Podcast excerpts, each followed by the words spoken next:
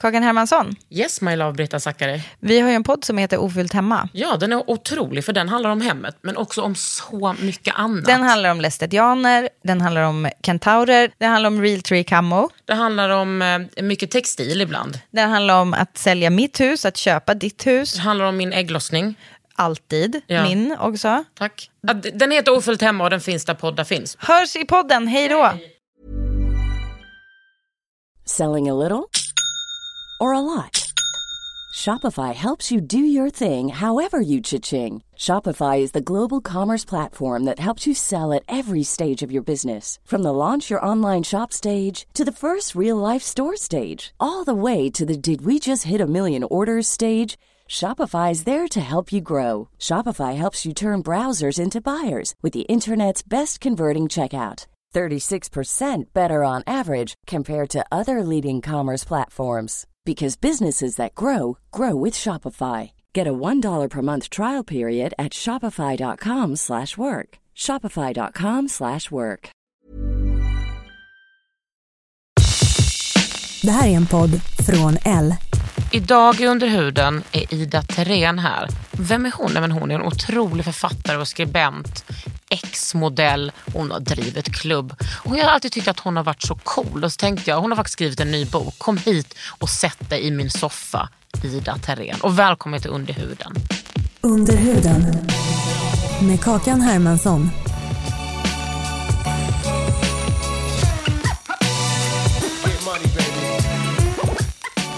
Det som är gemensamt för de flesta av mina lyssnare är att de är feminister. Liksom. Och att de eh, tycker att det är intressant med olika kvinnoöden eller andra personers öden. Just det. Och du är ju liksom en sån in- intressant person. Jag är ett öde. Du är ett öde, ja, men du är också en sån person som, som jag gillar för att man får typ inget grepp om dig. Mm. Men inte så att jag, in, jag blir inte stressad utan jag njuter med bara Ida, den jävla vilden. jag är fan en vilde. eh, eh, kommer du vilket år var det du och jag gjorde omslag på DN ihop? Alltså det är så fett för det var 2010 och nu är det 2020. Och det är också samma år som jag började skriva boken. Så det är tio år precis. Wow. Och jag kommer ihåg att jag kom dit och jag trodde typ att det skulle vara som en sån alltså porträtt. Så jag hade liksom men du, jag kom typ säkert dit i några såna mjukis och tänkte att det inte skulle synas. Nej, så då eh, var det ju helbild och jag hade liksom bara strumpbyxor på mig så jag fick låna någon slags sjal. Typ, och, var, och då var det du och jag, Daniel Adams-Ray, Lina Thomsgård. Ja. Var det bara vi? ja, det var vi som var på omslaget. Och varför var vi det? För att det var Stockholms hjältar det året. Jag var nummer åtta kommer jag ihåg. Eller har fått för mig i alla fall att jag var nummer åtta. Va? Aha, jag var typ... Jag vill tro att jag var nummer två. Ja, det var det säkert. Vem var nummer ett? Kan det ha varit Lina kanske? Ja, kanske. Jag vet inte. Men alltså, jag tänker att det var ganska profetiskt av, vad heter han som gjorde det här urvalet? Var det säkert Axel Björklund? Axel Björklund. Mm. Han har verkligen en blick alltså. Han visste att det var något med oss, lite star quality. Men alltså- jag, jag tog ju tio år på mig att leverera men Men vad hade du för relation till skrivande då? alltså, jag har ju drömt om att bli författare sedan jag var fyra typ. Jag har varit väldigt, väldigt målinriktad hela tiden. Och, och varför det? Alltså det undrar jag också. För att det verkar skitjobbigt. Det är skitjobbigt. Och jag önskar verkligen att jag haft något annat som var lite mer enkelt och kommersiellt gångbart. Typ. Eh, du menar till exempel att vara modell? Det är väl enkelt och kommersiellt gångbart? Fast det var faktiskt inte alls enkelt. Nej, inte enkelt. Skriva är nästan enklare för då kan man i alla fall man gör någonting och så får det en konsekvens. Ja. Modell är inte så att man kastar ut saker i intet. Liksom. Nej, sitt utseende. Man går på en casting och så bara händer ingenting. Nej, fy fan. Men skriver någonting så eh, finns det i alla fall skrivet någonstans. Men hur började du med ditt skrivande? Jag började som jätteliten. Alltså, skrev, eh, jag hade en egen tidning som barn, Idas bästa. Och jag älskar att alla... år. Ja. När du var fyra? Nej, nej, alltså från typ åtta till tolv. Alltså, vänta, berätta mer om den tidningen. Nej men det var faktiskt ganska bra. Det hade, lite, det hade krönikor, den hade ledare, jag skrev allt. Den hade också olika noveller i varje nummer, olika berättelser. Som du kopierade upp. som jag skrev och kopierade upp och hade prenumeranter. Fem kronor per nummer. Vem prenumererade? Ja, det heter Faktiskt något. en person som är författare nu, Magnus Utvik. Han var min pappas eh, kompis i Värnamo där jag växte upp. Eh, han var den enda så här, lokala författaren. Nej, fy fan vilken hjälte. Mm. Och Thomas Lund som också var redaktör för lokaltidningen, där jag jobbade som, som tonåring. Så att jag var väldigt inställd och från att jag var typ 17 så var jag verkligen så supermotiverad att skriva skönlitteratur. Det var det jag skulle göra. Så jag flyttade till Prag efter, Just det. efter jag tog studenten. Och då hade jag också bott i Wyoming ett år som utbytesstudent.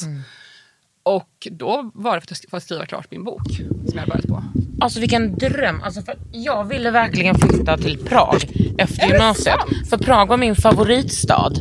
Där eh, brukade vi alltid, vi brukade åka dit och spela handbollscup. Ja jag vet de här mickarna är sjuka i huvudet. Vi brukade åka dit och det var så billigt och det var så mysigt Ja. och det är en ganska liten stad som jag hittade typ överallt. Och, alltså, Förlåt. redan som ung så hittade jag typ alltså med deras tram. Alltså man kunde vara, vara överallt. Och det har liksom på äldre dagar blivit mina föräldrars favoritstad. Nämen. De åker liksom dit några gånger per år. Ja inte nu då såklart men, men då tänkte jag vad fan ska jag göra i Prag?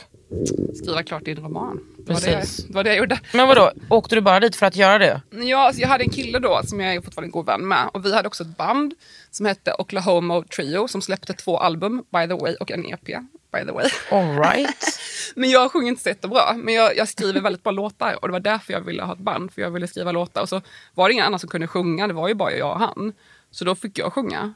Eh, och så spelade han gitarr, han är jätteduktig på musik. Så vi flyttade till Prag, spelade med vårt band, hade lite så spelningar för typ 10 pers på olika ställen. Olika Ja. sådana barer där ölen Ja. kostar två kronor. Exakt så. Goals. Och eh, så var jag alltid på en engelsk bokaffär för jag satt och läste och så.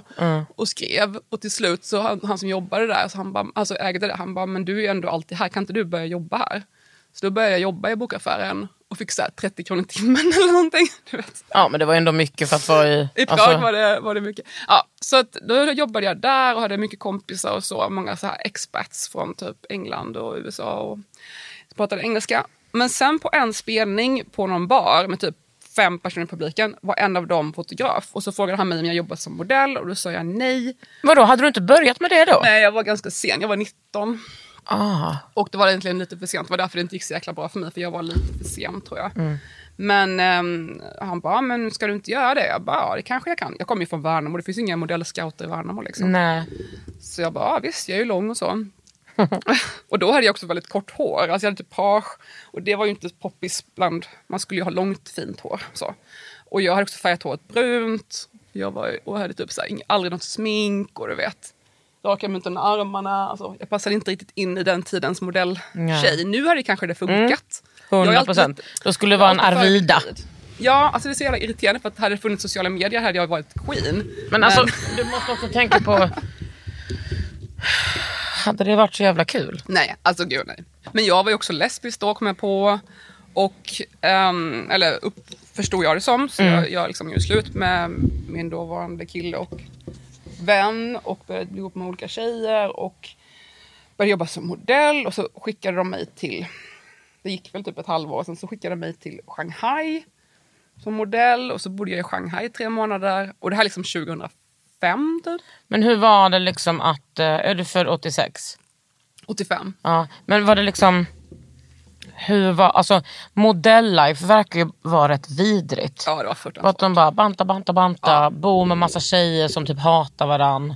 Nej, fast jag tyck, det gjorde de inte. Nej. De var rätt gulliga tycker jag ändå tjejerna. Det, var, må- det är ganska många smarta tjejer som blir modeller. Alltså, Det för, kan att bli, jag tänka mig. för att bli framgångsrik behöver man vara rätt smart. Alltså, man, Ja. kan inte vara dum, man kan inte vara korkad för då, då ryker man rätt snabbt. Eh, man kan ju bli utnyttjad och så, det är ju inte bra. Men, men för att lyckas behöver man vara ganska skarp. Typ. Hur var läbbscenen då? Jag, var ju, jag träffade en kvinna där i, i Kina. Men det är en lång historia. men, men, eh, en kinesisk kvinna. Men ja, ja, skitsamma. Men, ehm, jag har så många historier. Hur mycket tid har du? Nej, En men- timme har vi gumman. En timme, ja, portionera ut dina lesbiska historier Ja, liksom.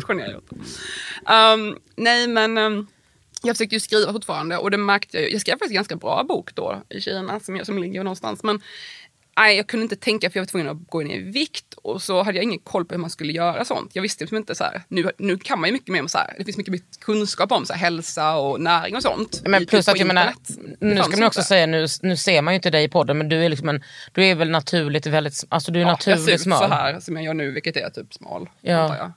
Men ehm, jag, jag är ganska lång och typ, det var så här ehm, ganska kommersiella jobb där. Så man skulle vara väldigt smal. Liten, liten, liten, kortare än mig egentligen. Så jag skulle passa Ja. in i kläder som inte passade mig. Typ.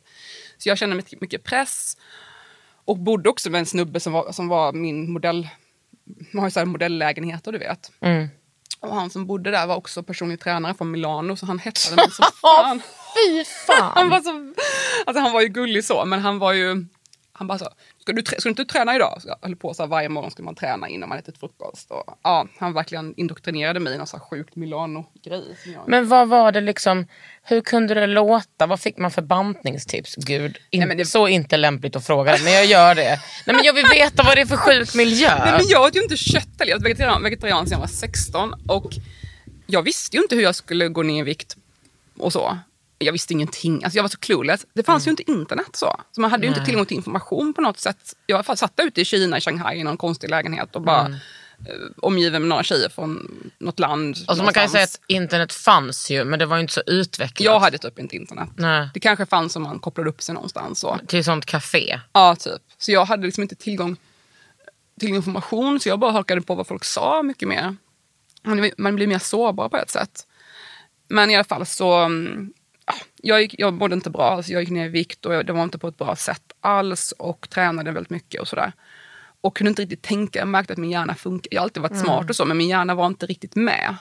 Um, och Men sen, ja. skrev du då under tiden? Jag försökte men jag märkte att jag kunde inte koncentrera mig på att läsa. Jag läste en Margaret Atwood-bok kommer jag ihåg på så här treadmill om man ska springa. Mm. Jag kunde inte förstå vad det stod på sidan. Jag har alltid läst supermycket alltså, sen jag var barn, alltså läst hela tiden. Och jag fattade inte vad det stod på boken. Mm. Och då var det så här, hmm, någonting. Jag, jag var väldigt frånkopplad mig själv överhuvudtaget på alla plan. För att, kun, för att kunna hantera det där? Men jag var så lost liksom, i allmänhet. Det var nog inte bara någon så här bara, viktig grej. Så det var nog mer bara allmänt att jag var väldigt visste inte vad jag höll på med. Jag bara, aha, är jag straight, är jag lesbisk, vill jag vara modell, vill jag, vill jag vara det här? Alltså jag, var väldigt, jag hade alltid varit väldigt klar med mig själv. Att jag var så här, jag vill bli författare, jag är feminist. Det var viktiga saker för mig. Plötsligt så fin- finner jag mig själv där som en så här, spånig brud. Liksom. Det var väldigt så här, identitetskris. Alltså när man är från Värnamo. Mm. Alltså förlåt nu alla som bor i Värnamo. Men hur blir man feminist där? Alltså vad händer? Ja, jag läste, jag läste det jag fick tag i helt enkelt. Som sagt, det här Ja, var innan hur, internet. hur, hur liksom, vilket frö var det som grodde? En sak faktiskt, jag läste Veckorevyn och där var Rebecka Åhlund eh, krönikör. Och jag älskade Ah. hennes krönikor, de var jättefina. Hon var väldigt cool. Jag skrev till och med så här fanmail till henne och hon svarade jättegulligt. Och sen kontaktade hon mig för några år sedan och bara jag älskar dina texter. Och jag bara, Ah. "Ö, kommer du ihåg att jag skrev så här fanmail till dig för typ 20 år sedan? Och det gjorde ju inte hon. Så det var Nej. jättefint så här full circle. Men ehm, bland annat där och sen, jag läste mycket överhuvudtaget. Jag liksom sökte upp böcker på, bibliotek, på biblioteket och man kollade på tv, såg någonting där och radio. Mm. Men hade du någon du kunde. prata? Nej, inte, inte Nej. Mm. riktigt. Jag var ganska ensam med de här grejerna. Och Jag tror jag upptäckte feminismen när jag var typ 13 kanske. Ja men samma här. Alltså, Ja. Jag var typ 11 och det var helt... Eh, alltså, också, alltså då också på 90-talet. Då var det liksom... Jag vet inte, det var ju också så här... Alltså det är så jävla lätt och, eh, att glömma det. Och speciellt folk som är yngre än oss, de Mm. kan ju inte ens... Eh, de förstår ju inte alls. Men att alltså, när jag var 11, alltså det var ett vakuum. Ja.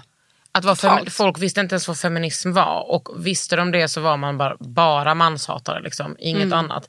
Jag var så ensam. Jag gick med under vänstern någon period. Fast det fanns inte i Värnamo, det fanns i Jönköping så jag åkte dit på någon grej. Så här, Ja. och, ja, men det var ju så här krångligt att åka dit en helg. Typ. Ja. Alla var så himla medvetna och upplysta. Jag var helt så bara, "Ha, försöker bara haka på. Hade aldrig hört talas om indiemusik. Vem skulle berätta det för mig? Ja. Jag prenumererade på så här Ginsas kataloger och köpte skivor och sånt. Och fick liksom treva mig fram efter musik. Och jag var intresserad av musik men jag visste inte hur. Nej, och också d- dyrt. Ja, Att ha, skitdyrt. när man köper de där jävla skivorna för 159, Ja, ja. alltså hur ska man ha råd? när man är så här 13-14 år. Nej, alltså jag, jag var ganska sen i att haka på grejer. För att jag försökte verkligen. Jag ansträngde mig. Men hur skulle, vem Det skulle jag låter fråga? inte så sent att vara Nej, men- 13 och... Men jag menar jämfört med typ musik och med, Mm. så här, och som uppväxta i Stockholm med subkulturer och sånt. Det fanns ju inga subkulturer i Värnamo. Alla hade Marvin-tröja och såna här jeans. Sån, sån kläder som folk, har nu. Som Ja, kidsen har nu. precis. Och sån liten frisyr. Alltså, alla hade ju det. Så det fanns ju bara alla de, också jag, som hade så second hand-kläder i sjuan. Ja. Och, och var skitkonstig. Ja. Enda på skolan Kan du känna så att, eh, alltså för nu har du ju flyttat tillbaks till Värnamo? Ja, precis. efter liksom år i, ja, i USA. Kan du känna så här att du, om du liksom, Alltså, Kan du känna dig som ett freak fortfarande? Jag, tror, jag vet inte Kakan, men jag tror att den här känslan av utanförskap som man etablerar när man är liten, det sitter rätt djupt. Ja, ja, ja för mig Och det är med. ganska central också mm, tema i min bok nu. Alltså Det är mycket så här utanförskapet och det kan vara svårt att förstå när man ser mig nu för jag ser ju inte ut, annorlunda ut på något sätt. Jag passar ju precis in i normen och så. Men det, är, så det sitter ganska djupt den här känslan av att vara lite, lite utanför hela tiden. Men om du började skriva boken för tio år sedan, jag tänkte det har hänt så mycket, du har blivit mamma. Hur skrev du en bok på tio år? Alltså jag har faktiskt skrivit andra saker under tiden också. Mm. Bland annat en bok som är faktiskt klar som kommer antagligen nästa år om allting går som tänkt. Wow, Ja, jag vet. Det är lite, nu kommer allt. Nu öppnas du, det, floodgates. ja, det är bra.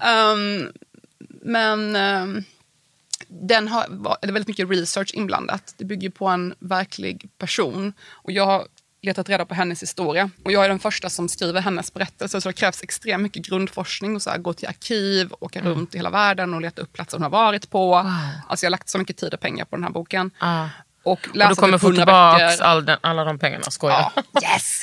Nej men alltså, eh, alltså ta läsa hundratals böcker om den 20-talet och förstå samtiden och kontextet. Då. Vi kan prata mer om det sen. Men, men eh, jag har hållit på med den boken lågintensivt i tio år kan man säga. Ja.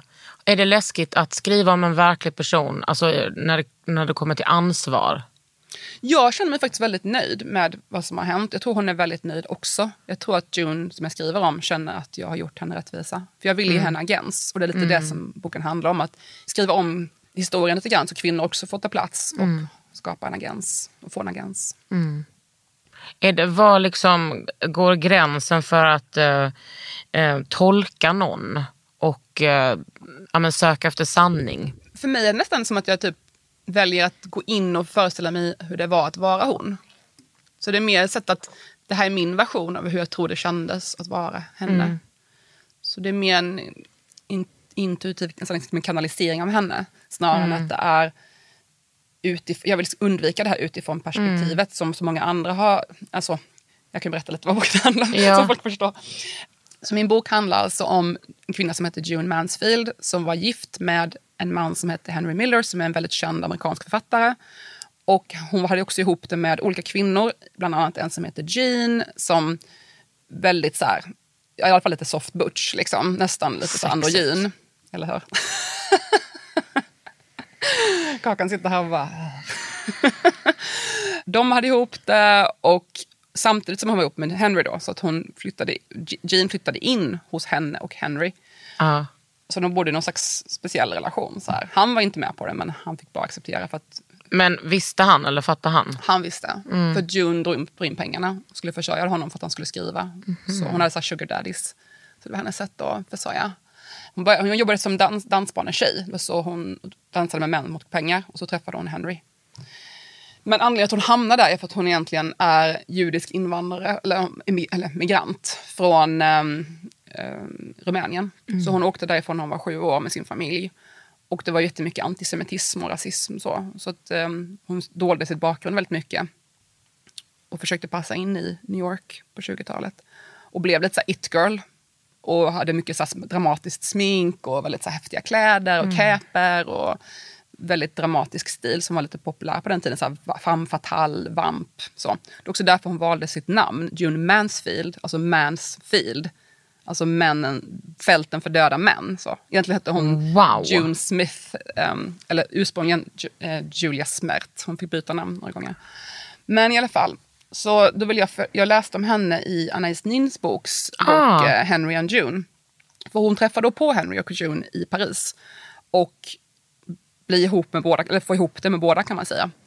Och då blev jag så nyfiken på vem June var bakom den här berättelsen från Anis Nin. Och så började jag läsa Henry Miller och så blev jag ännu mer förvirrad. För jag bara, hon framställs som, framställs som en så här sexig, dramatisk, häftig, inget inre liv. Och jag vet inte, men nästan alltid jag träffar en tjej som är bara sexig så är hon ganska, någonting finns bakom. Ofta något lite trasigt som är så här, vill döljas med den här förföriska ytan. Ja, jag menar ingen någonsin är ju bara en yta. Nej, exakt. Skulle vara skönt att bara vara det. Men... Eller jag, menar, jag tänker att många kvinnor, alltså det är så ett klassiskt sätt att, eh, att förklara kvinnor på. Alltså ett Ja. nedvärderande sätt att man bara är det. Och jag har tänkt jättemycket på det här hela mitt hela mitt liv kan jag säga, just den här grejen med musa och geni. För att också när jag växte upp i Värnamo och läste mycket böcker hela min uppväxt och jag läste mycket så manliga genier, alltså författare och så. Och försökte hitta, men okej, men vem ska jag se upp till? Kan jag bli ett manligt geni? Vem får vara ett geni? Och vad är ett geni? Vad är det här för konstig idé? Som att det finns bara vissa människor som har någonting att säga. Så hela den här genimyten tycker jag är så himla intressant. Så jag har liksom tänkt på de här grejerna hela mitt liv egentligen och filosoferat kring vad är ett geni, vem får vara ett geni, är jag ett geni, får jag vara ett geni? Och sen... Du känns ju verkligen som ett geni. Ja, men alltså, oh gud, jag, är så, jag har aldrig läst, ähm, jag har inte läst manliga författare. Mm. Jag bestämde mig jättetidigt för det. Att, ähm, Mm. att jag inte hade tid för det. Och att eh, jag inte var så intresserad av mäns verklighet. Och nu har jag helt, alltså jag har ändrat mig för att det är klart att jag måste läsa alltså, svarta mäns verklighet och, och liksom andra män med andra erfarenheter. Men jag tycker fortfarande att det är så viktigt med så kvinnliga, att de kvinnliga berättelserna och verkligheterna får alltså, bli normen. Ja, jag började I mitt också, liv i alla fall. Ja, jag började också landa i det ganska snart. Att jag, Ja. I slutet av tonåren, att jag bara, nej men det här vill jag läsa. Så läste jag mycket kvinnor och jag läste mycket om olika musor. För det var ju en hel grej på typ 1900-talet, 20-talet. Att mm, konstnärer, författare hade de här musorna som var, ofta var arbetarklasskvinnor som inte hade så mycket, som var så gränsen mellan prostituerade och Mm. musa och hade inte så många val. Eh, om man inte var rik så var man ju typ körd om man inte var gift på den tiden. Mm. Så det var ofta kvinnor som kanske egentligen ville vara konstnärer men inte hade den tillgången till status eller självförtroende eller vad det nu Som, som fick bli våldtagna istället. Ja, alltså, ja, eh, June, ja precis. Hon blir kanske inte våldtagen av sina författare och så men... men Fast vad vet man? Alltså jag ja, tänker att ja. liksom den sortens överenskommelser handlar ju liksom så mycket om makt. Mm. Det är sant. Alltså, Jag tror att hon ändå var kär i Henry faktiskt. Hon såg någonting i honom bara wow du ska bli, du är ett geni typ. Och så ville hon vara musan för att för henne var musan sättet att komma åt makten. Det var närmsta sättet för henne att komma upp i hierarkin. Var ju att vara inspiration till den som hade makten och satt på pennan. Ja, såklart. Vem är dagens musor? Men jag tror att kvinnor har återtagit den här positionen och får själva vara konstnärer. Vi behöver inte Ja. vara den som inspirerar på det sättet. Vi Nej. får vara själva skapare. Nej men det måste väl ändå finnas såna... Med så här Karl Lagerfelds musa. Nej men typ, Någon skådespelerska. eh, nej men typ så, vixens liksom. i- Ja, du tänker så. Ja, Typ så här porrstjärnor liksom. ja jag, eller jag vet inte hur det liksom skulle se ut med, alltså just med så relationen. Ja, nu så, vet du, man måste också få ställa sig frågor i den här podden. Vem är? Finns det musor? Gud, det finns ju en värld där ute som man inte har någon koll på. Mm. Så läskigt. Och alla är inte så upplysta som vi är i Sverige heller. Alltså- Nej. Eller som vi. Eller som du. Nej men så jag höll på mycket att grubbla på de här frågorna kring musen. Vem får, vem får tala? Vem blir iakttagen? Vem blir projicerad på? Vem får ha en egen agent och berätta sin historia? Och sen när jag började jobba som modell blev det ju ännu mer påtagligt att jag märkte att folk projicerade jättemycket grejer på mig. Och efter jag var i Shanghai så kom, var jag i Madrid några månader, sen var jag i ehm, Paris några månader och skulle satsa på Paris. Men då var jag lite för gammal tror jag. Jag var typ 20 någonting. Och jag tror att det var lite så här, man ska helst vara 14. Eh, Och man ska lyckas på det sättet. Med min look så att säga, det här high fashion looken, då ska man helst vara ung och så. Och jag hade ju massa åsikter om saker och och det är ju inte populärt heller. Så att hade det varit nu hade jag nog, hade jag nog funkat kanske för att det finns en annan tolerans för att man har en personlighet och är modell. Och så. Men det fanns ju inte då. Man skulle vara helt tyst och bara vitt papper att måla på. Och det var ju lika bra för jag ville ju inte ens vara modell. Jag ville bli författare. Det var ju mitt mål. Så att all, allt här- Känner du, känner du några pengar? Nej, jag gjorde faktiskt inte det. Fan alltså. Det var väldigt drygt. Men jag höll bara på, jag tror jag höll på ett eller ett och ett halvt år heltid. Och sen låste jag in mig i min lägenhet i Paris. Eller det var inte min lägenhet, det var en lägenhet av en kille som jag träffade där. Jag kom på att jag inte var lesbisk och började träffa män igen. Och, eller både och kan man säga. Men ehm, jag har inte, inte, bestämt, inte bestämt mig än vad jag har för läggning. Jag Nej, bara, behöver de som kommer, inte. kommer. Ehm, men jag träffade någon snubbe där och så bodde jag i hans lägenhet. Han skulle till Indien och så fick jag låna hans lägenhet i Marais. Och så satt jag där, en liten pluttig lägenhet och låste in mig och berättade inte för någon vad jag var. Så ingen visste vad jag var i typ fyra veckor. Jag bara satt där. Och ett, i efterhand så känner jag att jag var nog utbränd på något sätt. Men jag, det fanns inget språk för det på den tiden. Jag var helt slut. Och jag bara, jag bara levde på glass och det var så varm, 40 grader varmt ute och jag bara åt glass hela dagarna. Vad gott. och sen efter det så slutade jag jobba som modell i princip. Så att, ehm, då ja, jag drog till USA tre månader, reste runt själv och gifte mig. Och det var ju Ursäkta? Ja, alltså jag vet det var. Men som tur var hade vi inga pengar. Det var en man jag träffade som var konstnär och vi hade inga pengar. Så vi skulle gifta oss men vi hade inte råd att köpa såna här. så att det, ja, flummigt. Vi hade ett bröllop i alla fall. Men ni blev aldrig certifikaterade? Nej. Nej, vad skönt. Det var himla skönt för sen visade sig att han, jag trodde han var lite så crazy artist men han var liksom Sen visade det sig att han hade faktiskt ganska allvarliga problem um, som inte han hade riktigt bearbetat. Så det var ju tur att jag Hur skilde ni er då? Nej, vi, vi, jag åkte till Sverige för mitt visum tog slut. Och då um, skulle jag jobba på Värnamo Nyheter över sommaren och tjäna in pengar. Sen skulle jag komma tillbaka trodde jag till San Francisco. Men uh, då ringde han mig samma dag jag skulle flyga. Jag bara, nej du kan inte komma. Så satt jag så på flygplatsen. Jag var hemma hos en kompis. Jag skulle åka till Kastrup dagen efter. Jag hade så här, sparat ihop typ, jag vet inte, 40 000 eller någonting över sommaren. Jag hade bott hemma och jobbat två månader. Och tyckte att jag var rik. Jag har aldrig haft så mycket pengar. Nej. Och hade packad resväska och skulle åka till San Francisco. Och så sitter jag där och bara, "Ha, vad ska jag ta vägen nu? Jag sitter här alla pengar, jag fick pengar tillbaka på flyget. Vad ska jag ta vägen? Och då eh, ringde jag upp en tjej som jag hade dejtat i Prag, alltså, som en konstnär. Och jag bara, hej vad gör du? Hon bara, jag bor i Berlin, kom hit om du vill. Och jag bara, okej. Så då åkte jag till Berlin. Vänta, så samma dag bara köpte du en ny? Ja, typ. Eller kanske var dagen efter. Så då flyttade jag till Berlin istället. Och så bodde jag där i två och ett halvt år var det min bas. Aha, mysigt. Så jag hamnade i Berlin och fick bo hos henne lite grann. Och sen så hittade jag ett eget ställe. Och sen så, ja, men jag, folk undrar alltid hur försörjer du dig? Jag vet faktiskt inte. Jag har alltid bara hittat någonting. Eh, kanske att man får något extra knäck. Eller så pluggar jag på distans lite grann. Pluggar lite kurser på distans, fick lite CSN. Och man hade ju också 22 de där 40 000. Jag hade också 40 000, exakt. Och när man är så här 20 år och lever på typ linssoppa. Man behöver Nej, men jag fattar pengar. liksom inte hur man, hur man överlevde. Nej, eller hur? Du hade ju inte heller. Du levde också så, eller hur? Men gud, alltså jag har aldrig haft pengar förrän nu de senaste åren. Mm. Jag fattar liksom inte hur jag har gjort. Att köpa en kaffe var liksom höjden av lyx. Det var så här, åh nu ska jag köpa en kaffe. Ja, eller om man typ, ibland undrar man sig att köpa typ så, du vet, som naturgodis. Ja, ja, ja, för det var ju också mat samtidigt. Precis, då kunde det vara en lunch. Och då var det liksom så, alltså det kostar så jävla mycket per hekto. Men Då eh, tar man en godispåse istället. alltså, Nej, jag fattar faktiskt inte. Jag har ju fortfarande inga pengar, men, men jag kommer ju få pengar nu förhoppningsvis med boken. Hoppas jag. ja. När den säljs till utlandet. Men vi får se. Jag, jag, just nu har jag inga pengar, jag bor hos mina föräldrar. Men jag har ju min lägenhet i Los Angeles fortfarande. Fast den är ju uthyrd. vad betyder att man har en lägenhet? Alltså jag har ju ett kontrakt, så. Förstahandskontrakt på en lägenhet. När flyttade du till LA? Ja, alltså efter de här, gud det är så många olika varv. Efter de här åren i Berlin då så fick jag något ryck typ 2010. Då träffade jag dig. Och flyttade till Stockholm. För jag fick, jag bara gud jag har ingen utbildning. Jag hade läst lite kurser här och där och så. Men jag hade liksom ingen färdig utbildning. Jag visste inte, skrivandet gick ju, jag fortsatte ju skriva. Jag skrev typ tre böcker under den där tiden. Och fick jättefina utlåtanden från förlag. Jag fick så här Bonniers jättefina lektörsutlåtanden och Modernister ville träffa mig. Och det var liksom på gång flera gånger. Och så skrev jag en bok då som jag skickade in när jag var 25. Och då ville alla förlagen träffa mig. Norstedts, Bonniers, Naturkultur. Jag var på möte med allihop. Alla bara, den här jättebra bok. Men du behöver skriva om den så här och så här. Och jag var lite så här självlärd. Så mycket sånt som jag har lärt mig nu om dramaturgi och sånt visste inte jag då.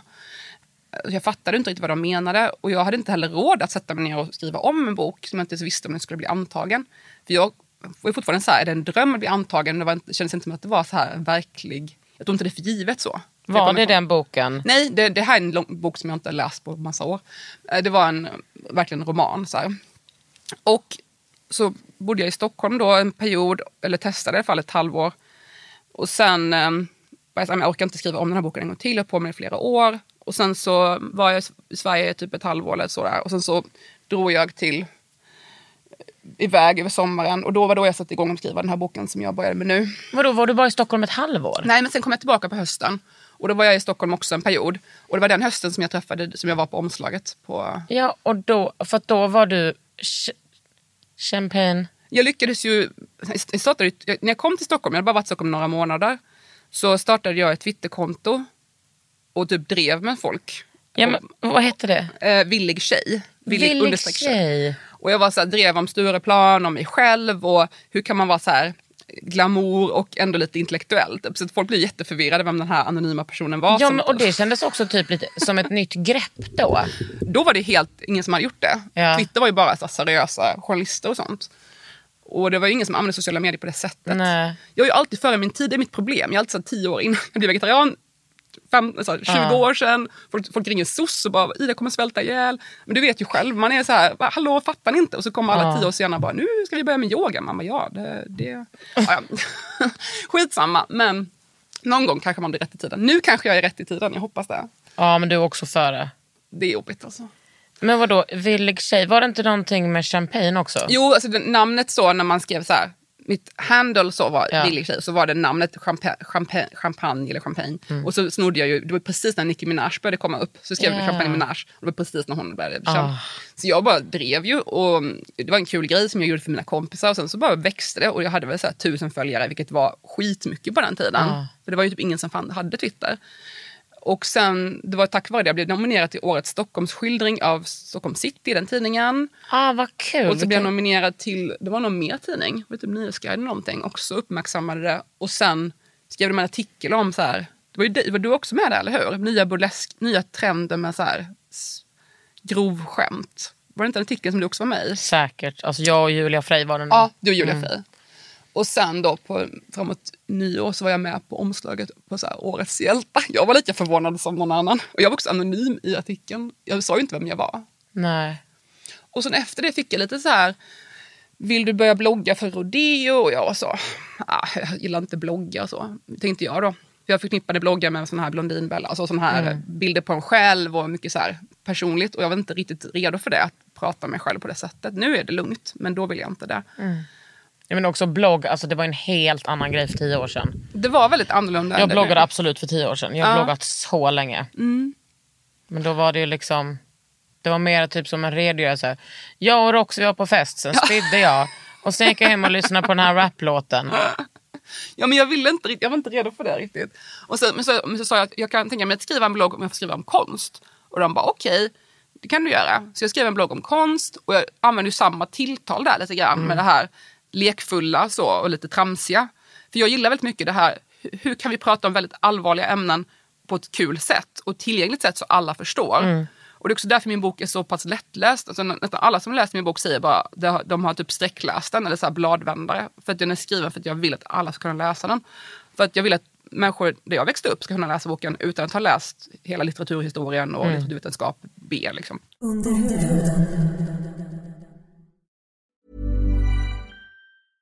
Ever catch yourself eating the same flavorless dinner three days in a row? Dreaming of something better? Well, HelloFresh is your guilt-free dream come true, baby. It's me, Kiki Palmer. Let's wake up those taste buds with hot, juicy pecan-crusted chicken or garlic butter shrimp scampi. Mm. Hello Fresh. Stop dreaming of all the delicious possibilities and dig in at HelloFresh.com. Let's get this dinner party started. Life is full of what ifs. Some awesome, like what if AI could fold your laundry? And some, well, less awesome, like what if you have unexpected medical costs?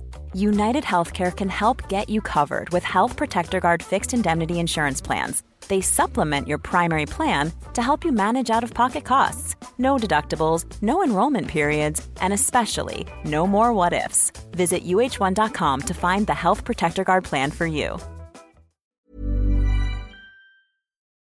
Men har du fått anstränga dig för att liksom ändra din, ditt skrivande? Nej, det, nej, det tycker jag inte. Det blir att jag man får hjälpa att skära bort så det är bara det viktigaste och sådär. Mer så, ta bort grejer. Men jag vet inte, mitt mission har alltid varit att göra saker tillgängliga. Och det är väldigt fint för jag har faktiskt fått några stycken som har hört av sig till mig efter den här bloggen och bara åh du fick mig att upptäcka samtidskonst och sen gick jag på Mejan, så här, konstskola. Ah, wow. Ja. Visst var det konst med C? Ja, konst som ser. Ja. Vi skojade om det här, nu kan- vill jag inte hänga ut med någon. Det var en, en person då som var känd som hade bytt stavning från S till C. Och så tyckte väl att det var kul att skoja om massa, massa, hur man kan använda C på lite i- Okej. inspirerade Ja. sätt. Uh, så vi skojade om det med mina kompisar då. Och ja, men jag, jag har alltid gillat det här lite, inte ta saker på så stort allvar. För att jag vet inte, för mig är det också en politisk fråga. att vår, alltså Patriarkatet bygger någonstans på att en person har makten och den personen är ofta en vit frisk man. Och ju närmare makten man kommer så vinner man. Och då är det också att den personen bestämmer och dikterar vad är rätt och vad är fel. Vad är status och vad är inte status. Jaha, du har en examen i det här ämnet, det är status. Du skriver trams om konst, det är inte status. Men jag skriver så folk förstår. Den här litteraturvetaren skriver så ingen fattar. Det är Jag, menar, jag är all för tillgänglighet. Snälla, men det jag har det. liksom gjort en kollektion för Ellos. Ja. Alltså, jag tycker att det är... älskar det. Alltså. Det är ja, demokratisering kan man Mm. eh, prata om på olika sätt. Även om, alltså, men det är, jag tycker att det är, alltså, så jobbar jag jättemycket Mm. med, min, med min konst, med keramik. Att Mm. det ska vara liksom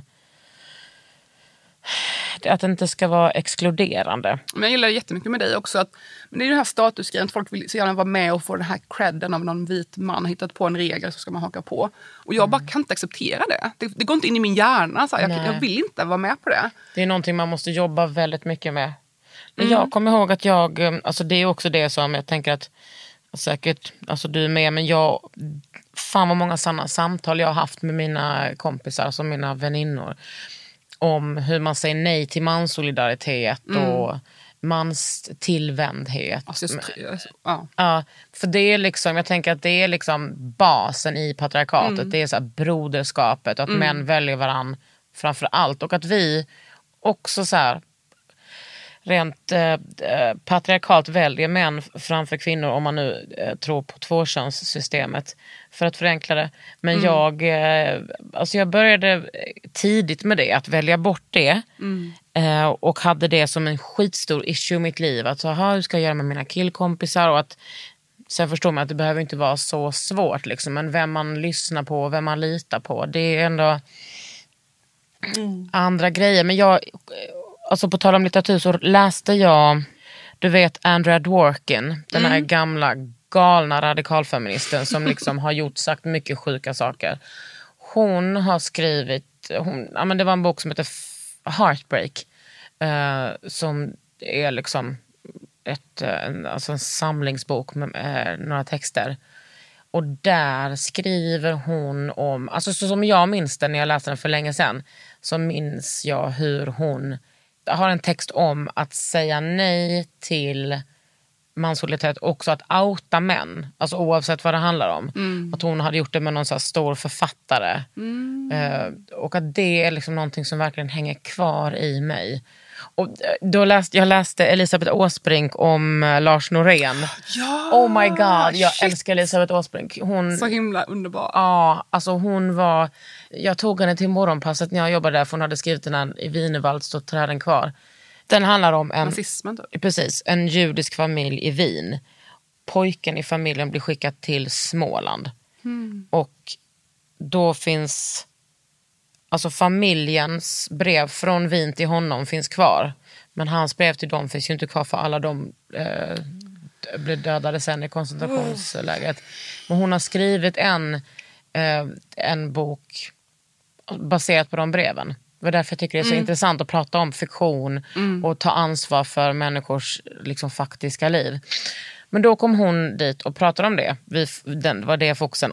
Och efter att mina föräldrar, det var mina föräldrar som tipsade om den boken. Efter det slutade de handla på Ikea. För att det handlar liksom om Ingvar Kamprad och hans eh, liksom engagemang i så här, som ung nazist. Sen har de också köpt kanske så 50 stycken sådana böcker och ger bort till alla sina kompisar. Alltså gud, jag bara gråter. Ja, men de är ju otroliga. De är så jävla arga också. Eh, lite så har jag gjort med, med Svart kvinna. Att ha som typ Mm, så så, grattis på födelsedagen eller typ eh, Alltså bara som en sån liten eh, present då, Mm. då. Speciellt till folk som verkligen, Den är så bra. Jag recenserade den och jag tyckte den var jättebra. ah, den är fantastisk. Jag har nog haft ett problem att jag aldrig har fattat den här manstillvändligheten. Jag har liksom inte ens köpt det. Nej. Men det har varit ett problem för mig socialt och karriärsmässigt att jag accepterar bara inte det. Jag tror du är lite, lite, lite likadan. Att jag bara, varför ska jag bry mig om de här männen? Jag är inte intresserad av män. Jag kan väl läsa en bok av en man ibland så. Men jag tycker ju oftast inte det är lika intressant som en kvinna. Och som, sen när jag, allt det här, när jag började med bloggen så började jag frilansa och så började det rulla på. Jag började frilansa mer och mer och det var lite det jag hade hoppats på, att jobba som kulturskribent för att försörja mig medan jag skriver böcker. För böckerna var ju målet men man kan hitta ett sätt som är nära det för att komma vidare. Så jag började jobba som kulturskribent och har gjort det nu i tio år frilans. Men hade du inte en tidning också? Jo, just det, det startade jag ju sen. Jag var tvungen att tänka efter. Ja, men det var ju några år senare, det var kanske två, tre år efter det här, startade jag en, en uh, litteraturtidskrift som jag drev i Vad hette den? eh, Konst Literary Preview. Just det. Som jag drev med min kompis Maria Morsell i ett par år. Um, Det var väl den du fick Nöjesguiden-pris för? den vann vi, ja, precis, den fick vi priset. Ja, det var du som delade ut den. Det var jag som ledde den lilla Just galan. Ja. det. Ja, nej, men våra vägar har kross, krossats. Ja, korsats. verkligen. Men överhuvudtaget, så jag går på det efter några år som kulturjournalist. Jag bara, "Ha, jag intervjuar, jag skriver ju aldrig om män. Alltså det blev, jag blev väldigt tydligt Mm. att jag gör inte det. Och det var ingenting som jag hade utstuderat. Det var bara det, naturligt intresserad av mer kvin, kvinnoöden och även transpersoner och så. Mm. Jag var bara inte så intresserad av straighta män, eller cis-män. Så. Nej. Det är inget fel på dem, jag bara tycker inte de är så himla intressanta. Så det har varit ett litet problem för att jag tror att jag hade fått mer, kom, alltså, funkat bättre i mainstream och så om jag hade varit accepterat med det här systemet som är. Men jag kan bara inte köpa det. det min hjärna kan inte acceptera det. Nej, men det tycker jag låter fantastiskt. För det är ju liksom the most poisonous shit vi har. Mm, kanske, ja. Men man får hoppas att tiden, nu känns det som att tiden börjar komma ikapp. Att de här unga, unga yngre generationen är mycket mer som vi. Men alltså vet du vad, både och.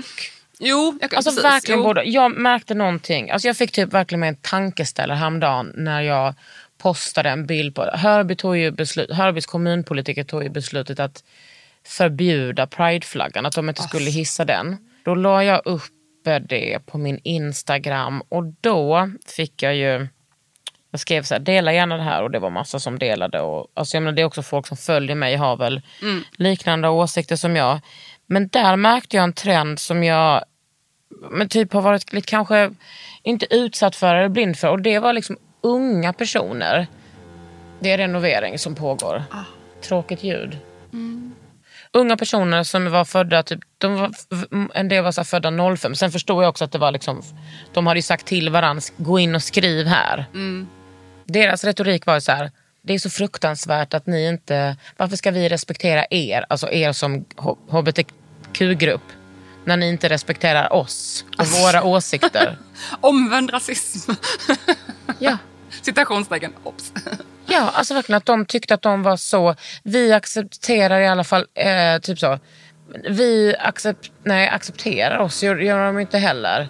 Ni respekterar inte oss. Alltså som, alltså respektera att de, att de också vill förbjuda prideflaggan. Aha. Och att det har skett en sån förskjutning i hat. Att det är så accepterat. Men att, jag, tänker att jag har alltid tänkt så här, åh nästa generation det kommer lösa sig. Men sen så bara, nej det kommer absolut inte lösa sig. De är ju liksom en, eh, såklart en produkt av vår vidriga samtid liksom. Jo, men samtidigt tycker jag när jag går runt på Söder och sånt och ser... Ja men söder Ida. Alltså söder, det är liksom inte Gunnesbo i Lund eller Fast, liksom. fast det är ju en grej som jag, som jag gillar väldigt mycket med unga tjejer, äh, gillar med, gillar med vår samtid nu, är ju att jag tycker det känns mer accepterat för unga tjejer och inte vara pinsmala. Ja, Att det blir, ha lite rumpa och sånt. Eller lite så här, Absolut. sånt som inte var okej när jag, när jag växte upp. verkligen. Men det är också på bekostnad av en sexualisering. Jo, det Nej, alltså det var ju helt... så. Alltså, om jag kollar tillbaks på hur jag såg ut när jag var ung. Att jag såg liksom helt fantastisk ut. Men jag hatade mig själv så Mm. mycket för att jag bara hela tiden fick höra hur extremt äcklig jag var. Men Mm. jag, såg, alltså jag såg ut som en dröm. Alltså jag fick en drömkropp. Mm. Vilken drömtjej. Och det skulle ju verkligen varit mer accepterat nu. Precis. Då var det ju så Paris Hilton-idealet, typ låga jeans. Och, Ja men så här, heroin chic liksom. Ja, exakt. Jag hade ingen att identifiera mig med förutom typ svarta tjejer i, Mm. som höll på med typ rap i USA. Vilket såklart blir problematiskt också eftersom jag var en vit tjej på Gunnesbo. Mm. So to say. Men alltså en sak som jag, alltså jag är så im- imponerad av dig som människa. Det är ju din själsliga resa som jag inte riktigt vet hur jag ska ringa in. jag tror det är problemet med mig i allmänhet, folk vet inte hur de ska ringa in mig. De vill gärna stoppa in en någonstans men vet Ja, inte men hur. jag vill inte stoppa in, men Nej, jag, jag vill, jag, är så in, jag är så imponerad och intresserad av, av din liksom själsliga resa. Jag vill också vara sådär. Men du är väl lite så? Alltså jag är väldigt, väldigt intuitiv. ja det är jag, och så är jag men jag är också, alltså jag har ju aldrig, jag är ju troende och har aldrig haft något problem med det. Och, alltså även om jag har bef- befunnit mig i så autonoma vänstern där man absolut inte får tro på Gud. Men ehm, Ja, det är så intressant grej tycker jag att det finns en sån motstånd mot allting alternativt och andligt och sånt inom mycket av feminismen. För att Ja. för mig är, nu är det bara min eget perspektiv, alltså för mig är att återgå till det här lite mer ursprungliga, att i alla tider har folk trott på någonting större. Och det har funnits i alla tider. Men det som kommit sen är ju så här, kristendomen, det är ju patriarkatet. Så, så, sätter på regler, du får bara tro på Gud om du har en gubbe i en särskild dräkt som pratar med Gud åt dig och ger honom pengar för det. Och det hänger så mycket ihop med patriarkala system och politik och så. Så det jag vill göra är att gå tillbaka med till den här ursprungliga kontakten med något större i mig själv. Och det är ju innan patriarkatet. Och därför för mig är det en väldigt, en väldigt feministisk handling att ha min tro. Men det väldigt mycket så motstånd inom viss del av feminismen mot så här ny, ny, nyandlighet och sånt. Och det tycker jag är intressant för att för mig är nyandlighet en del av min feministiska väg. Men vad är då nyandlighet? Man ska kalla det, alltså, för mig är det, egentligen är det inte nytt alls. Alltså, det jag tror på är ju det som folk har trott på i alla tider. Så egentligen är det inget nytt, det är ju mer egentligen det gamla. Eh, men jag började min andliga resa när jag var i tonåren. Jag bodde i Wyoming ett år. Då var jag ihop med en kille som var mormon. Så jag började hålla på att studera kristendom. Men vänta, vadå, fick du vara ihop med honom då? Ja, det var ju lite oklart. Ja, det var en bra fråga. Men, Eller var det liksom en slapp mormon? Nej, han var ju inte det. Så det var ju problemet att vi var ihop. Hade Men ni vi, sex? Det behöver inte jag gå in på nu. Men vi fick ju inte ha det i alla fall. Nej. Men i alla Hur fall, lever han idag? han är gift med en mormon. Som har- är författare och journalist by the way. Så att han, är, han har ju en typ.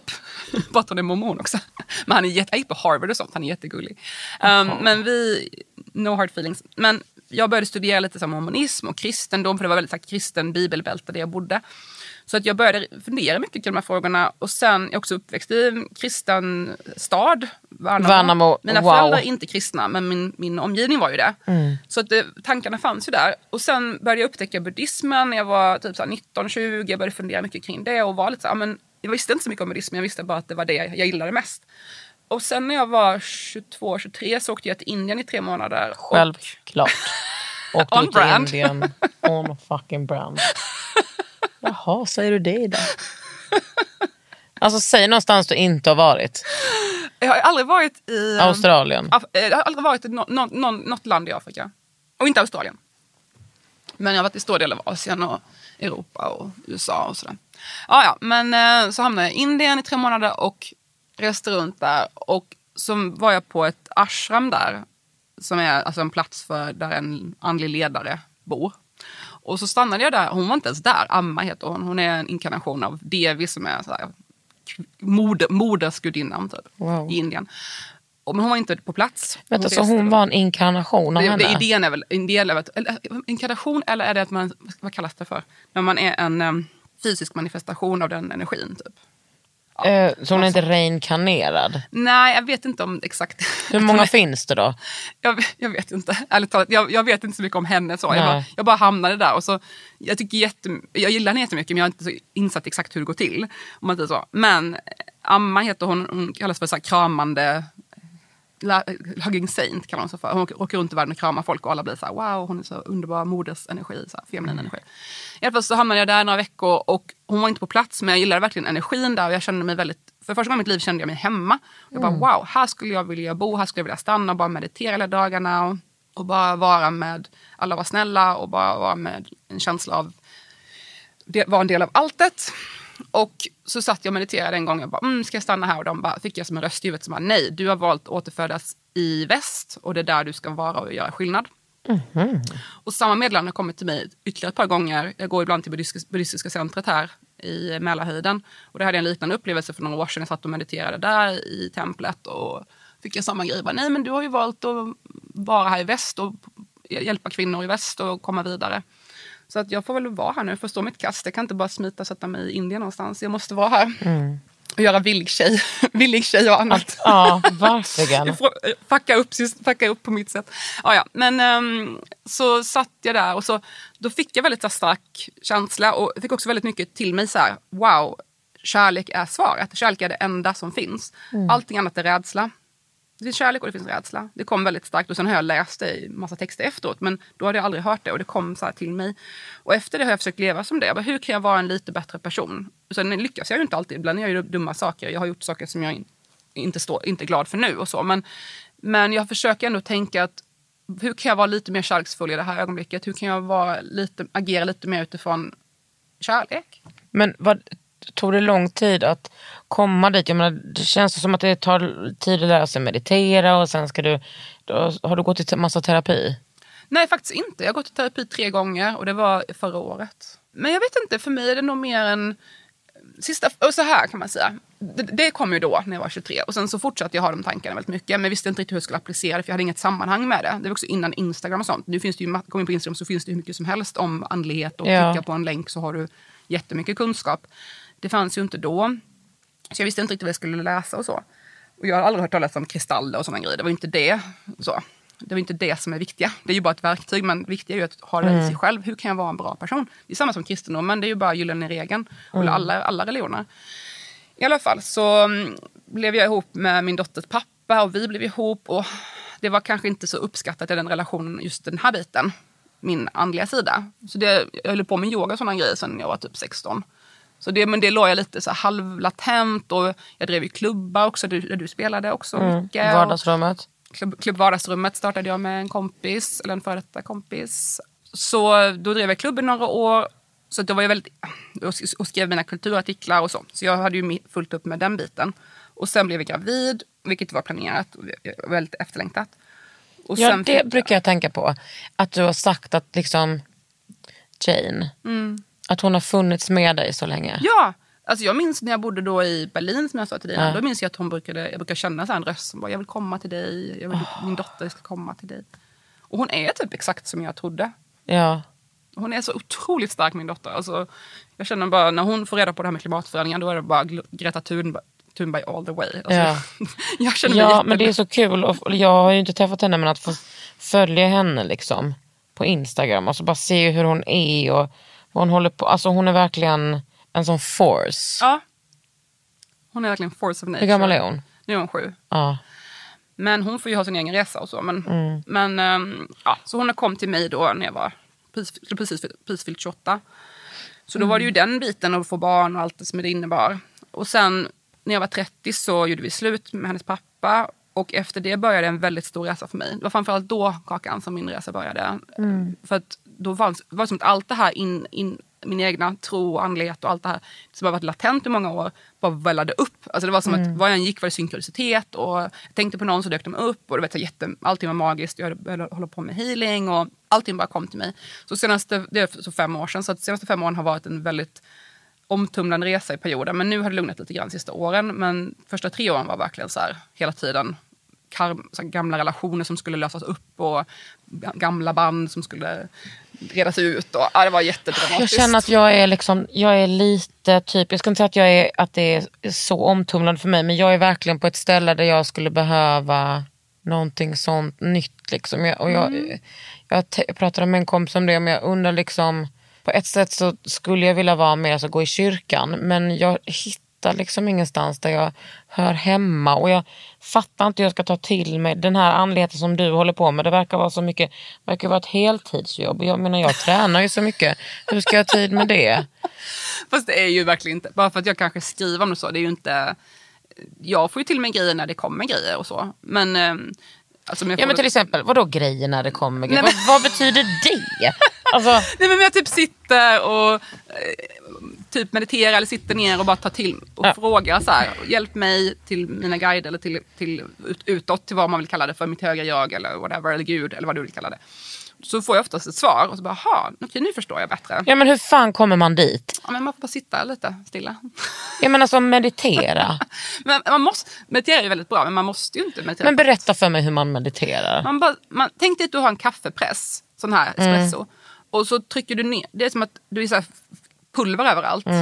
Och då sjunker det ner till ytan. Och låt, först är det lite rörigt för det är pulver överallt. Och då känner man så här, "Åh." Men sen när saker börjar lugna ner sig så, sjunker pulvret ner till botten och det samlas och vattnet blir klart. Hur gör man då när man mediterar? Kan man lära sig det själv? Ja, alltså det, det är bara att sätta sig ner och andas. And, and, andningen är ju väldigt viktig också, att man lär sig bara att andas man blir lugn. Och sen kommer man ner och så sitter man där och bara låter tankarna komma och gå. Ett väldigt bra knep är ju att tänka att man ser tankarna som svävar förbi och bara, jaha nu kommer den här tanken, okej, och studera det lite grann utifrån. Då ska jag berätta för dig. Ida Terén, Ja, att i den här hjärnan som har ADHD, Mm. då är det inte en tanke som kommer Nej. förbi, utan då är det liksom 40 tankar som bara rrrr, hela tiden. Jag förstår. Så Precis. att jag skulle verkligen behöva meditera. En av mina allra bästa vänner um, har också ADHD och hon hade jättesvårt att meditera. Mm. Och, men sen plötsligt nyligen så släppte det för henne. Det var som att det bara släppte, hon började fatta. Hon bara, aha! Och då var det som att det gick.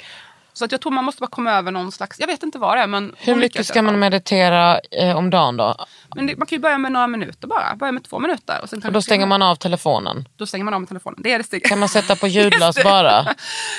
Alltså det är ju bra om du inte blir störd av telefonen för Ja, då blir det ju svårt att Jag sätter den på ljudlös och så lägger jag bort den. Lägg bort den. Jättebra idé. Så att den, den distraherar. Och, Och då sätter man bara sig så här. Ja, sätt dig skönt. Du kan sitta i en soffa. Du behöver inte sitta i så här. Den här idén att sitta så här, benen i kors. Men snälla Ida, nu försöker jag meditera. Kan du vara tyst? Okej, men jag... Okej. Kakan mediterar live. Okej, men då ska precis bara ett 20 minuter tyst. Nej, men jag tänker att jag behöver liksom, att jag alltid är så här, ja men då kan jag ju kolla på en serie. Men nej, man ska, jag ska unna mig att vara lite tyst och ensam. Men tänk lite som att, det är, du, som att du gör dina masker och sånt. Ja, Alltså, du gör en ansiktsmask. In, det, skulle du, det är ju inte för att du ska instant direkt få det, kanske inte är ett bra exempel för du får ju instant glow. Men du får ju också efter meditation och du känner ju också ett glow efteråt. Det är ju så här, en grej du gör för att sen mår du bättre. hur ofta mediterar du? Inte så ofta som jag borde.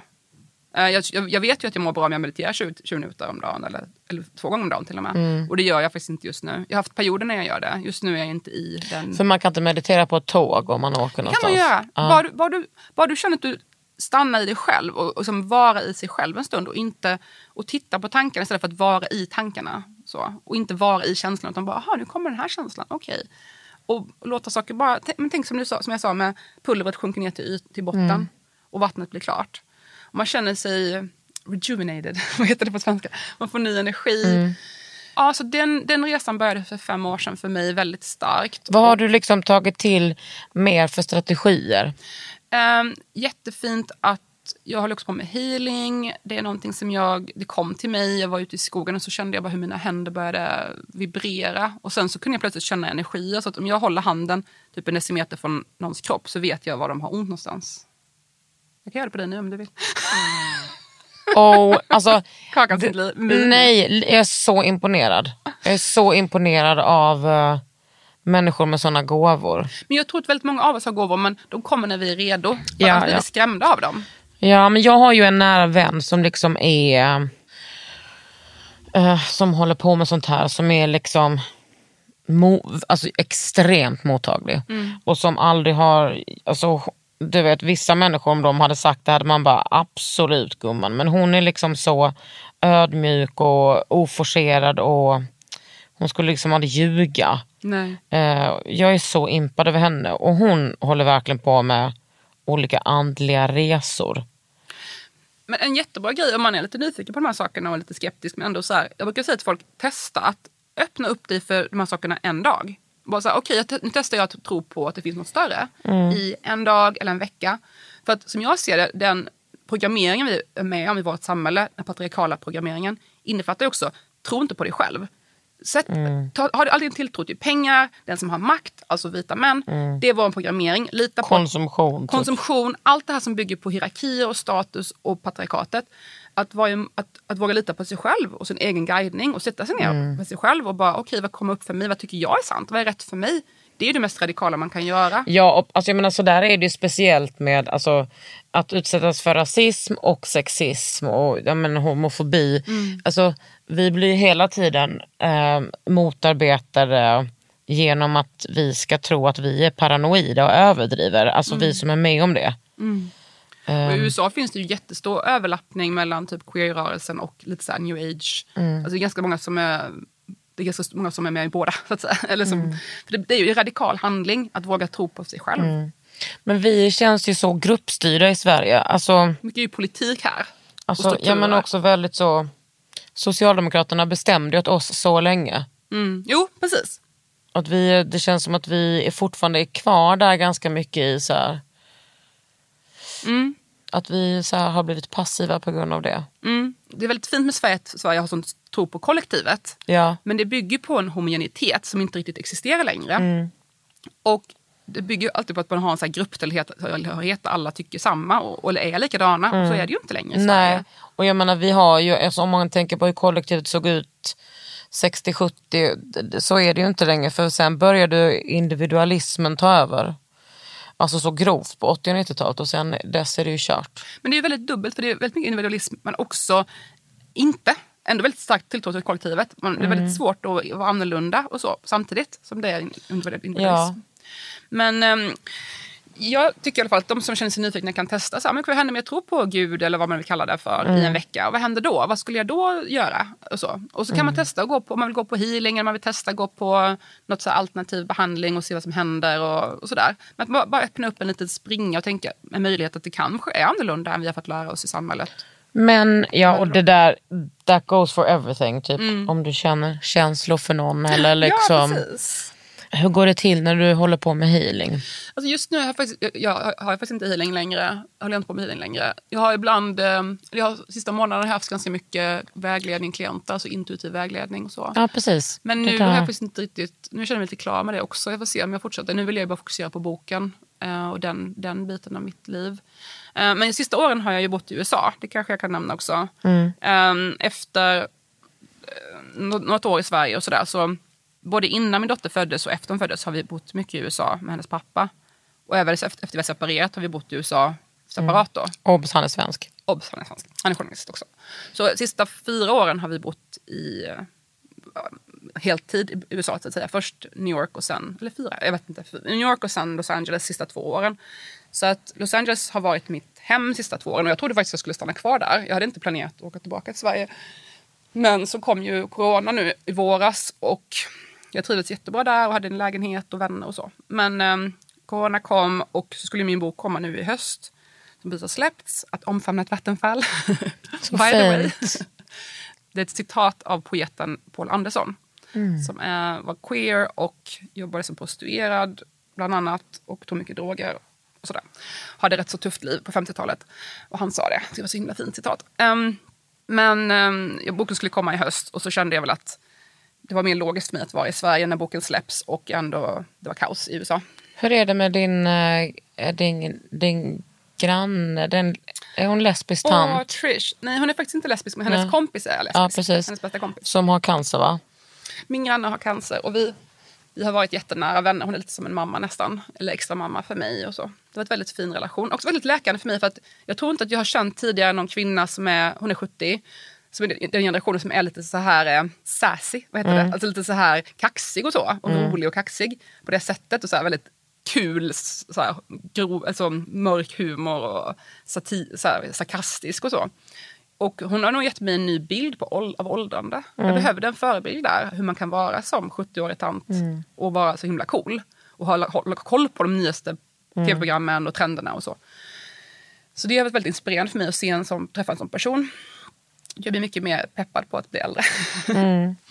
så vi har varit väldigt nära. Men nu är jag i Sverige och bor hos mina föräldrar i Värnamo. Tillfälligt i alla fall. Vi får se hur länge. Eh, jag tycker faktiskt det är ganska nice. Vad Jag- tycker din dotter? hon älskar det. Hon tycker Värnamo är bästa. Sars, men alltså det är otroligt. Alltså hon har bott i New York, hon har bott till och med i Barcelona en period när hon var liten, i tre månader, eller var sex månader? Jag kommer inte ihåg. Vi bodde i Barcelona en period. Och sen har hon bott i New York två år, och Los Angeles två år. Och Värnamo är det bästa.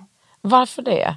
Hon kan cykla till skolan själv, det är, inga, inte massa bilar överallt, det är Ja. inte tryggt. Det är inte så här människor som är olika som skulle behöva hjälp på gatan som springer runt. Nej. Utan det är ganska så här tryggt för henne och, natur och frisk luft och sådär. Så bor du hemma hos dina föräldrar? Just nu bor jag på, de har en, två våningar i huset så jag bor på ovanvåningen. Eller vi bor ju tillsammans. Mm. Ja. Men jag har faktiskt ganska bra för jag har rest, sen jag kom till Sverige i juni har jag rest varenda vecka. Till Malmö, Ja, men jag, menar, jag tänkte det. Det var därför jag frågade. För det Ja. innebär ju en väldig ansvar för dem. Men de, de är ganska unga mina föräldrar, Mm. 60. Och tycker bara det är kul. Och jag har varit varenda vecka, typ Berlin, Berlin Värnamo, eh, Malmö, Göteborg, Stockholm, rest hela tiden. Mm. Så att, det var också därför jag ville vara där. För jag, jag kunde ju bo i Stockholm, jag har en lägenhet här som är uthyrd. Men jag vill inte vara själv med henne här när hennes pappa ska vara i USA. Nej, Så jag vill Nej men alltså jag tycker att det är underbart det där med Alltså, det är generationsboende. helt och, fantastiskt. Det är the Ja. shit alltså. Jag tycker det är helt, helt underbart. Och så hänger det på att man kommer överens med sina föräldrar. Mm. Men eh, jag tror vi har landat på en plats där vi accepterar varandra. Och de, Ja. de har väl accepterat under årens lopp att jag inte riktigt är som andra. eh, I alla fall inte i Värnamo. Mm. och varit lite så här, och de var så gulliga. Alltså, de kom upp i helgen, Ehm, vi var allihopa i Stockholm och gick ut och åt. Och så gav de ett kuvert och jag bara, "Åh, vad är det här? Så öppnade jag och de bara, ja, du tog ju aldrig examen på universitetet som dina bröder har gjort. Och vi har hela tiden sagt att du ska få din examenspresent när du ger ut din första bok. För vi, vi vet ju att det har varit ditt mål. Så jag fick en present. Nej. Alltså jag blev så rörd. Gud, jag blir rörd Och min nu. mamma började gråta. Hon bara, vi är så stolta över Ja, dig. de måste vara så stolta över dig. Du är så cool. För att ha dig som dotter. Åh. Hur många brorsor har du? Två. Var, Jättefina. ja, var bor de någonstans då? En bor i Linköping och en bor i Göteborg. Båda två är ingenjörer. Oj. Så de fick så väldigt, två väldigt välskötta Ja. medborgare. Och vad gör jag. dina föräldrar? De är lärare. Mm. Ehm, mamma var undersköterska, men hon pluggade till lärare när jag var tio. Typ. Men ja. Min Det, Mm. mamma är också undersköterska. Ja.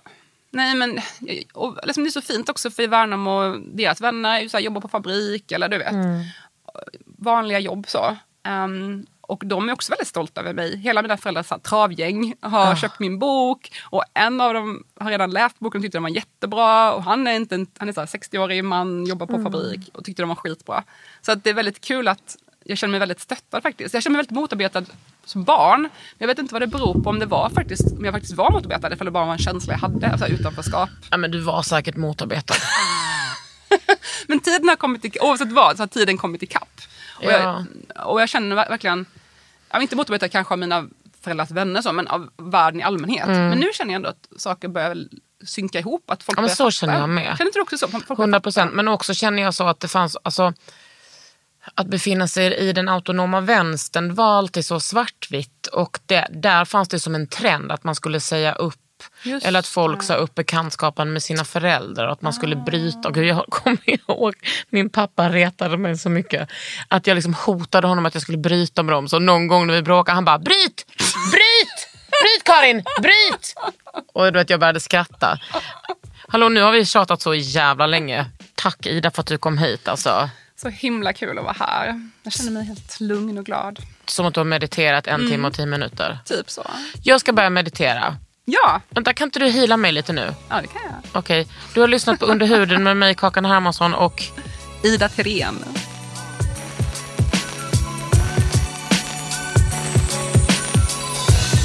Du har lyssnat på Under huden med Kakan Hermansson. En podd från L.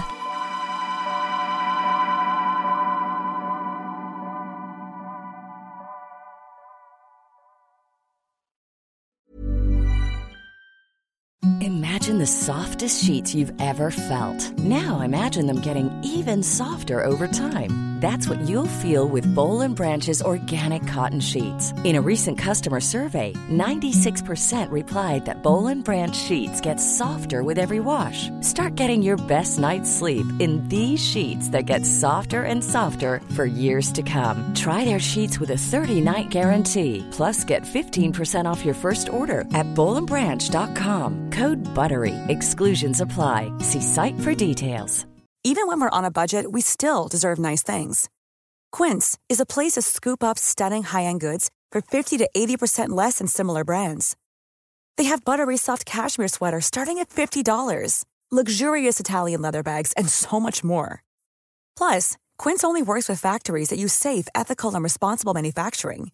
Get the high-end goods you'll love without the high price tag with Quince. Go to quince.com slash style for free shipping and 365-day returns.